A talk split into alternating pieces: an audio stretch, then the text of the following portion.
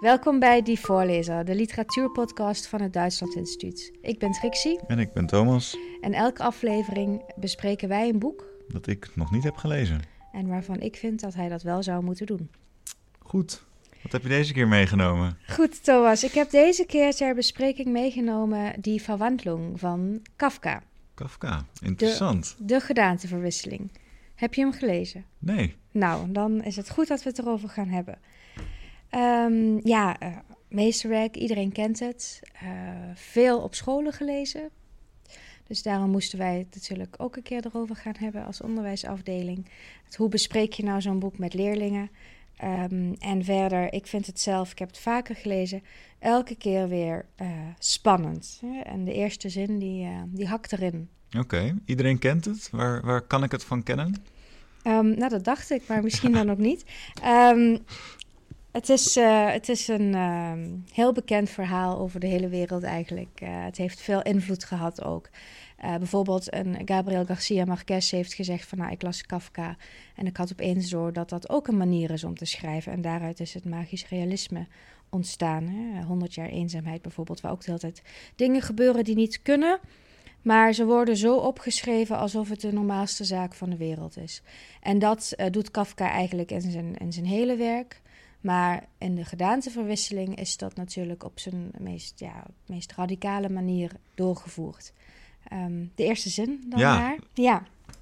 Kom maar op. Uh, auf Deutsch deze keer. Als Gregor Samsa eines Morgens aus unruhigen Träumen erwachte, fand er sich in seinem Bett zu einem ungeheuren Ungeziefer verwandelt. Dus dat is heel mooi.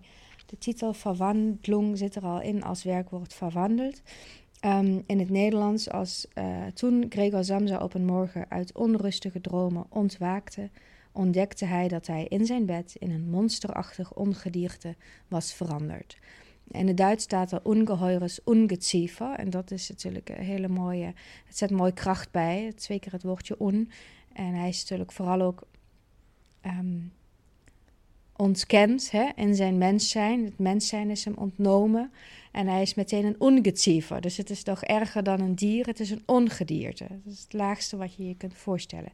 En in het Duits vind ik dat heel, um, heel geslaagd. En vooral, ja, het staat er zo. Hè. Dat is gewoon hoe hij s ochtends wakker werd. Daarom zeg ik ook van die eerste zin, die, ja, die hakt er toch wel in. Is het dan stiekem ook een beetje een pleidooi voor de Duitse versie van het boek? Ja, kijk, ik, ik, ben, ik ben dol op vertalingen en vooral ook op vertalers die dat goed doen.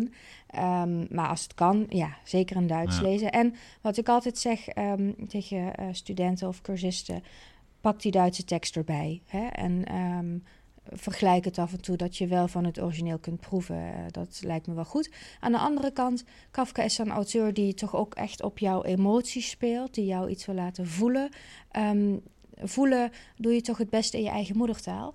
Dus wat dat betreft is er zeker ook iets voor te zeggen om wel ook die Nederlandse tekst voor jou als Nederlander erbij te hebben.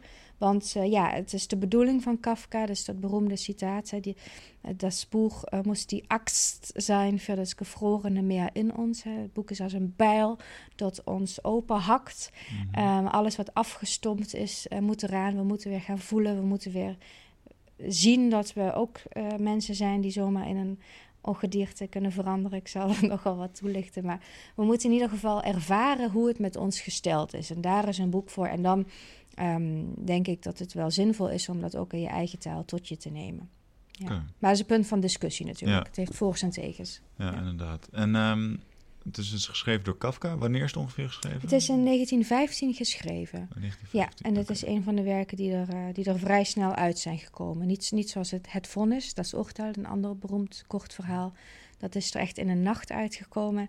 De uh, gedaanteverwisseling heeft uh, Kafka iets langer over gedaan.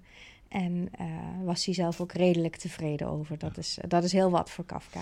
Kan je nog even toelichten waarom je dit boek hebt meegenomen? Want we hebben het natuurlijk oh, ja. over Duitse literatuur. Um, dit is natuurlijk wel Duitsstalig, Precies. maar Kafka was volgens mij geen Duitser. Strikt genomen Tsjechisch inderdaad, Tsjechisch. maar Duitsstalig. En hij behoorde tot een Duitse minderheid in Tsjechië. Uh, Duitsstalige minderheid, sorry moet ik zeggen. En um, in, in zekere zin uh, kan je ook wel merken dat, het, uh, dat hij een minderheidstaal, als het ware, gebruikt. Ehm, er is een essay van Deleuze en Guattari die het hebben over een kleinere literatuur als je een, uh, de taal gebruikt van een minderheid in jouw land. En dat zie je bij Kafka ook al. Er zit veel, nou ja, veel gevoel van niet aangekomen zijn in jouw omgeving, niet thuis zijn. En vooral qua taal niet de goede uitdrukkingsvormen vinden. En dat wordt wel vaak over Kafka gezegd. En uh, nou ja, hij is natuurlijk uh, uh, een van de beroemdste Duitsstalige schrijvers, dus daarom wilden we hem niet buitensluiten. Okay. Nou. Ja, en waarom heb ik het boek um, meegenomen? Uh, zoals gezegd, uh, heel bekend, heel populair. Maar goed, um, ik vind het zelf dus ook een heel uh, spannend werk. En het is altijd ook leuk om het, om het wat nader te bespreken. Omdat er, dat het een heel toegankelijk en eenvoudig boek is. Eigenlijk kan iedereen het meteen begrijpen. Het is namelijk niet zo moeilijk. Iemand wordt wakker en is een groot insect geworden. Um, dat is. Ja, op zich is klinkt het niet heel, heel begrijpelijk. Het is niet begrijpelijk, maar het is een vrij simpel feit. Ja. Maar het wordt spannend als je je afvraagt van... Goh, hoe heeft het nou zover kunnen komen? En het heet die verwandeling, de gedaanteverwisseling, metamorfose in andere vertalingen ook.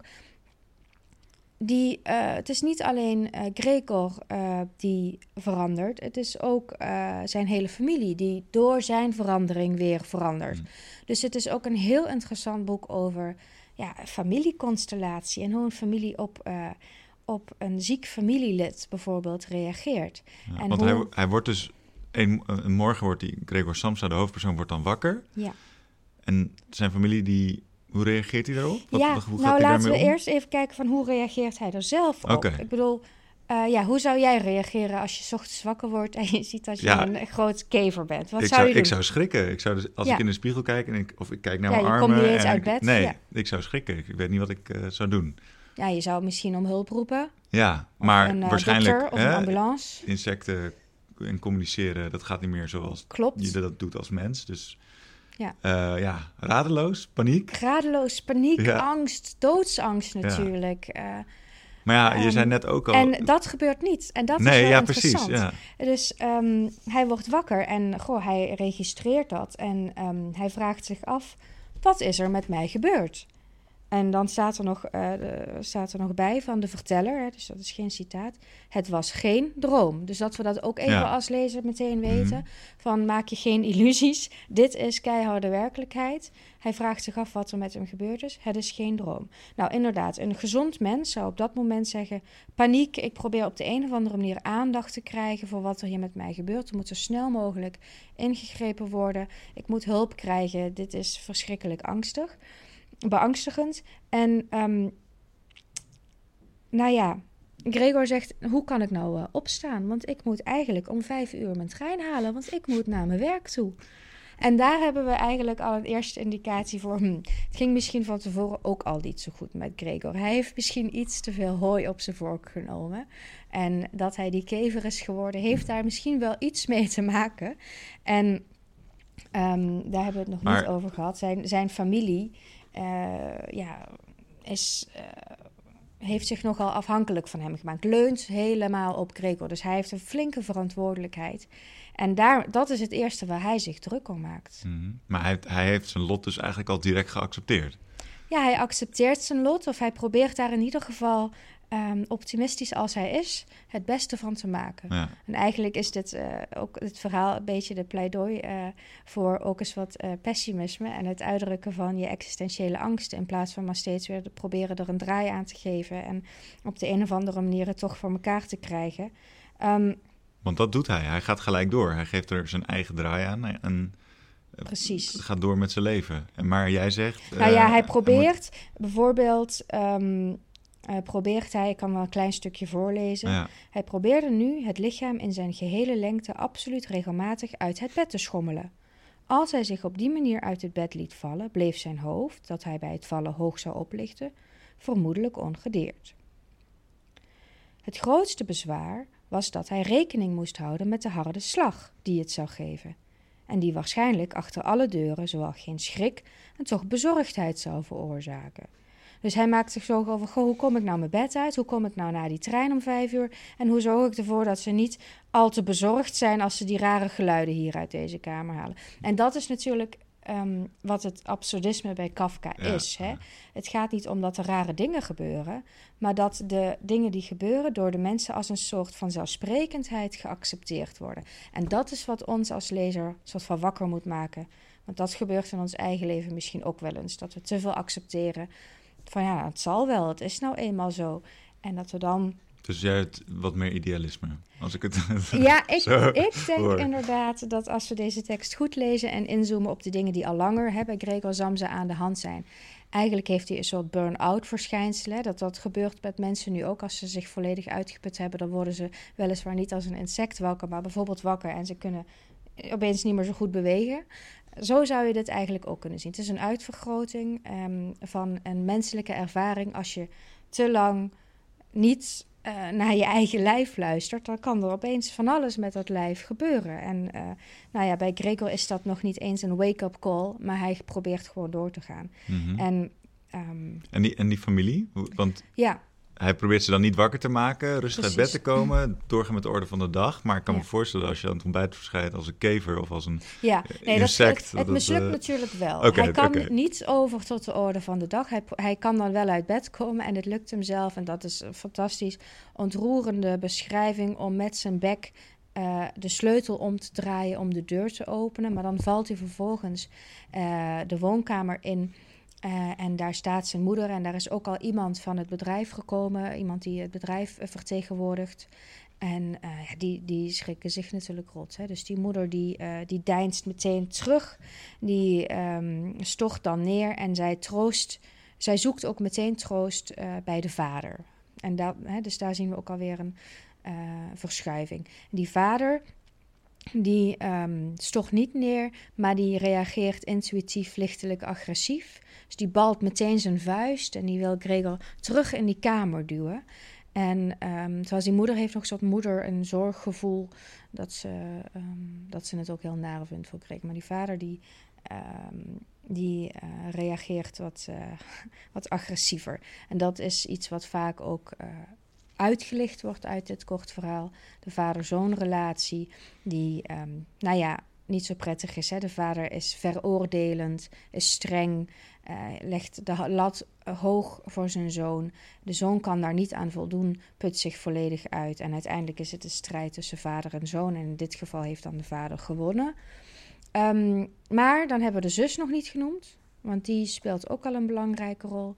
Uh, die zorgt namelijk in eerste instantie wel voor Gregor. En uiteindelijk. Um, houdt zij dat ook niet vol. Of uh, nou, je zou kunnen zeggen, verraadt ze hem toch. Maar in ieder geval, zij probeert in eerste instantie nog wel um, voor hem te zorgen. En die uh, familieleden inderdaad, die, um, nou ja, dat is natuurlijk ook schrikken. Hè? Als je, als je zoon in een kever veranderd is. wat, wat, doe, wat, ja, wat zou jij doen als, als je dat zou zien? Dat is natuurlijk een... Um, een heel intense ervaring. Dus ik geloof dat het dat je het de familieleden ook zeker niet kwalijk kunt nemen. Maar je kan wel zien hoe al langer bepaalde structuren zijn binnen die familie. En dat maakt het een interessante uh, ja, familieconstellatieverhaal. -hmm. En wat, wat gebeurt er verder? Gaat hij, kan hij de, zijn leven oppakken? Of, uh, nee, hij, er moet voor hem gezorgd worden. Dus hij kan niet meer zijn, uh, zijn werk uitvoeren. En uh, dat was ook heel vervelend werk. Hij moest dus heel vroeg opstaan, hij moest veel reizen. En zijn chef was ook niet al te vriendelijk. En zoals dat in alle boeken van Kafka eigenlijk wel weer voorkomt. Um, bijvoorbeeld, Gregor die blikt wat terug op de afgelopen periode. En dan zegt hij hier over zijn chef... Um, het is een rare manier op de lessenaar te gaan zitten... en vanuit de hoogte met de employé te spreken... die bovendien vanwege de hardhorendheid van de chef heel dichtbij moet komen. Dus die chef die zit blijkbaar bovenop een lessenaar en spreekt dan zijn, um, zijn medewerkers toe.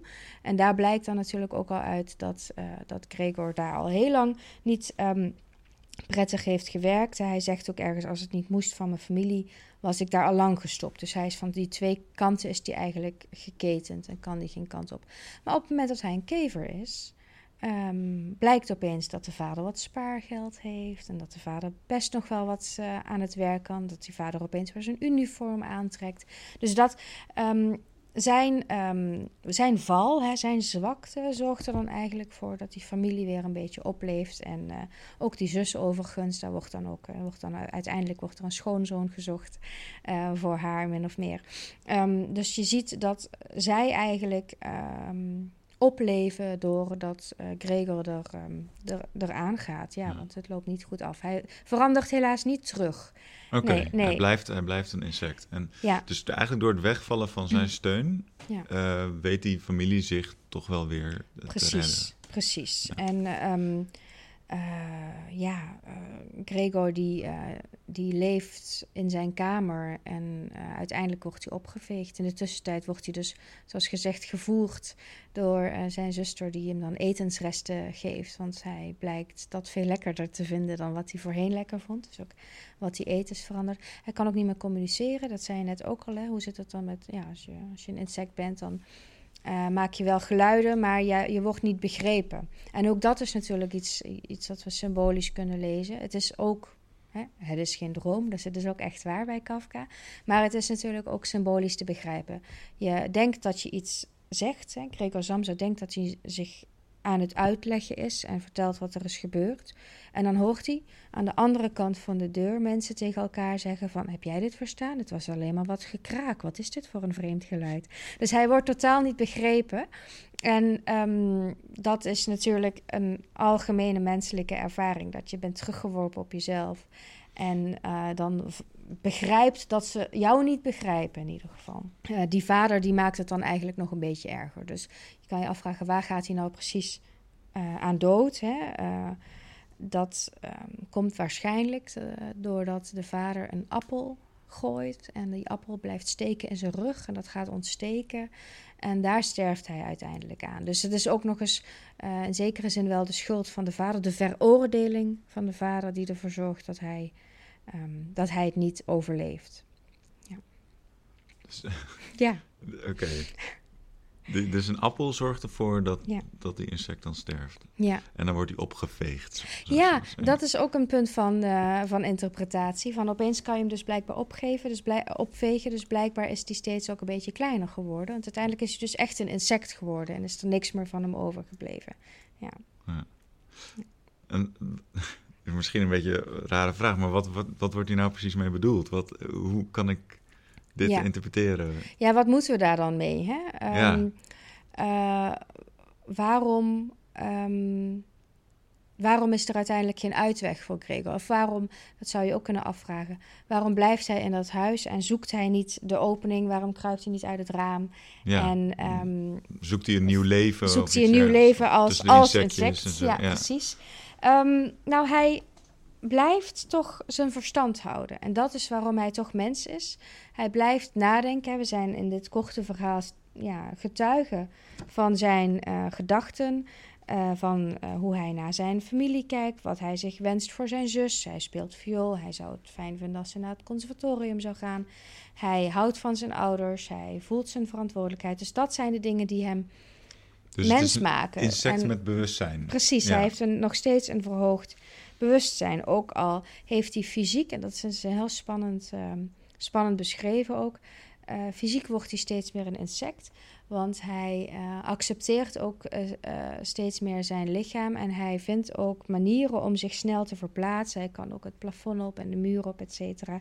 Dus um, hij, ja, er is een. Um, stukjes van hem blijven mens en andere stukjes worden toch ook wel echt insect. Dus hij um, uh, gaat op, op een gegeven moment ook de meubels die in zijn kamer staan anders gebruiken en anders waarnemen. Dus daar zitten wel veran ook veranderingen in. Mm. Ja. En waarom is denk je gekozen voor de metafoor van, uh, van insect? Ja, dat, um, um, ik denk dat hij, uh, dat Kafka, dat doet hij ook in meer werken, toch heel erg uh, die onderdrukking hè, uh, door bepaalde structuren thematiseert. Dus uh, hij wordt eigenlijk, Gregor wordt eigenlijk al langer in zijn werk als soort onderkruipsel behandeld. En een onderkruipsel, ja, hoe ziet een onderkruipsel eruit? Dat is inderdaad een insect dat zich kan verstoppen in, um, ja, in kieren en gaten en dergelijke. En daar kan overleven. En zo min mogelijk nodig heeft. Ja, want dat, dat is ook zeg, die Duitse versie, dat zei je net. Ja. Ungeheures Ungeziffer. Precies. Echt ongedierte. Ongedierte, ja. ja. En um, dat, um, dat maakt het een, uh, ook een, een, hoe ik het zeggen, een, een wat gruwelijke verhaal. Hè? Als hij nou gewoon veranderd was in een, een schattige poedel of iets dergelijks, dan had het nog iets geweest waar andere mensen graag mee in contact zijn. Waar dan zou hij een soort schoothondje geworden zijn. Dat is ook niet wenselijk. Maar dan zou hetzelfde gebeurd zijn met die familieleden, namelijk dat die weer hè, zelf aan de slag uh, zouden gaan. Maar dan zou hij onderdeel zijn geworden. Maar een insect kan je niet onderdeel maken van, jou, van jouw gezin, van jouw thuissituatie. Een insect is iets dat je moet verdelgen, dat je buiten de deur wil houden, dat je um, aanpakt in plaats van dat je het um, opneemt. Uh, en zorgen is een mooie Duits woord daarvoor. Hè? Dus inderdaad, als vuilnis zet je het uh, uiteindelijk naar buiten. En uh, dat is dus ook wat er, wat er uiteindelijk met, met Gregor gebeurt. En interessant aan dit verhaal vind ik dus inderdaad hoe, hoe dat allemaal ontstaan is. Hoe hij op een gegeven moment zo uitgeput is dat zijn lichaam als het ware een, een radicaal signaal geeft en zegt ik doe niet meer mee. Want eigenlijk ben ik al heel lang behandeld zoals ik er nu dan ook uitzie. Ja, dus dat is dan een soort weergave van zijn uh, fysieke en mentale staat. Zo. Ja, ja. Afgepeigerd. Precies. En het mooie aan dit verhaal is dat het dus absoluut onmogelijk is wat er beschreven wordt. Maar dat het er heel droog en nuchter staat. En die spanning is, is zo typisch uh, Kafka. Um, dat zou ik dan ook Kafkaesk noemen. Dat woord wordt vaak te pas en te onpas gebruikt voor iets dat gewoon een beetje vreemd is. Maar wat is nou echt Kafkaesk? Dat je dus iets, um, dat jou iets absurds, onmogelijks overkomt. En dat iedereen om je heen gebeurt van ja, dat, uh, dat is nou eenmaal zo. Dat is hoe we het hier doen. Dat is hoe het hier gaat. En um, nou, dan moet je dan maar een beetje naar voegen. En dat is... Uh, Um, wat bij de lezer zo'n ongemakkelijk gevoel uh, overbrengt. De taal is heel hard en heel nuchter en heel direct. En tegelijkertijd wat er beschreven wordt, uh, absoluut uh, absurd. Ja. ja. Nou, het, het, is me eigenlijk wel duidelijk. Ja. Ja, het is, eh, hoewel het onduidelijk is wat er allemaal gebeurt eh, en waarom het gebeurt, ja. Ehm, spreekt het mij wel erg aan. En ga ik het ook zeker lezen. Nou, en dan is dus de vraag als je het leest, wat herken je? Dus wat herken wat, je van je eigen leven? Ja, wat herken je? Bij welke scènes denk jij nou van, oh ja, dat, uh, zo, zo is het. Of zo heb ik het wel eens ervaren. Dat is waarom mensen nog steeds, denk ik, Kafka graag lezen. Omdat het een zekere troost is een groot woord hoor, maar een soort van herkenning. Een soort herkenning geeft van, uh, zo, wil ik, uh, zo wil ik het dus niet laten gebeuren. Zover wil ik het niet laten komen. Zover wil ik het misschien ook niet met anderen laten komen. Ik wil wat eerder die handuitreiking, hè, die, uh, naar iemand uitreiken. Handen zijn overigens heel belangrijk altijd bij Kafka. Dus dat is uh, leuk om op te letten als je ook andere boeken van Kafka leest. Welke gebaren gebruiken mensen naar elkaar? En hier bij die vader is het de vuist. De moeder slaat haar handen voor ogen heb je ook niet veel aan. Je hebt iemand nodig die jou een hand geeft, die jou helpt. Hè? In dit geval die jou bijvoorbeeld helpt uit bed te komen, of helpt toch iets van kleren aan te trekken, of van de trap af te komen, of jouw voet, hè, jou ja. uit, uit, je handen uh, te eten geeft. Um, en dat, dat kan het ook doen. Hè? Dus ik geloof wel dat Kafka wat dat betreft uh, vaak op zoek is naar. Um, naar begrip en menselijke uh, uitwisseling. En dat, dat vinden we vooral heel, uh, heel erg goed terug in hoe hij gebaren beschrijft. En dus het gebrek aan die, uh, ja, die, die helpende hand, zeg maar. Ja. Dus daar mogen we dan over nadenken. Van wanneer hebben we zelf die behoefte en wanneer kunnen we ook um, in die behoefte voorzien. Hm. Ja, ik, ik lees dit boek met veel verschillende doelgroepen. Dus ik heb het wel eens met leerlingen gelezen. Uh, vijf en zes VWO. Ik uh, lees het ook met cursisten van het hoger onderwijs. Dus dat is de echte babyboomer doelgroep. En dat zijn mensen vanaf uh, veelal 65. Dus mensen die gepensioneerd zijn. Um, en op de, een of andere, op de een of andere manier komt dit boek bij iedereen vrij makkelijk binnen. het is een boek waar ik eigenlijk als docent weinig moeite voor hoef te doen, omdat de tekst al voor zich spreekt. Het enige wat, waar ik even op moet wijzen, is het punt inderdaad dat voordat die echte verwandeling gebeurt, dus er al van alles speelt. Hè? En dat je het op die manier ook op jezelf kan betrekken. Maar als dat eenmaal duidelijk is, denken heel veel lezers: oh ja, dit is, dit is een menselijke ervaring. Dit is een, een, een angst en een, um, en een shock. En dat werkt ook heel goed bij, uh, bij leerlingen al. Ja. ja. Ja, en ik, kies dit ook niet omdat, het, uh, omdat Kafka nou eenmaal moet, omdat we het over de Duitsstalige kanon hebben, maar omdat ik het, um, omdat dit zo'n boek is dat je echt kunt voelen. Veel meer dan dat je het moet begrijpen of uh, moet kunnen plaatsen, inderdaad, in zekere tradities of een bepaalde um, literatuuroverzichten. Uh, ik denk dat dit boek precies dat doet wat Kafka wil, namelijk zo'n bijl zijn dat ons uh, wakker schudt, dat ons op de een of andere manier aan het nadenken, uh, aan het denken zet, laat nadenken over onze eigen structuren. En waar we, ja, doordat het een, een beetje een akelig en vies insect betreft, um, het, het spreekt ontzettend tot de verbeelding. Terwijl het eigenlijk dus gewoon een uitvergroting is van wat we wel vaker ervaren.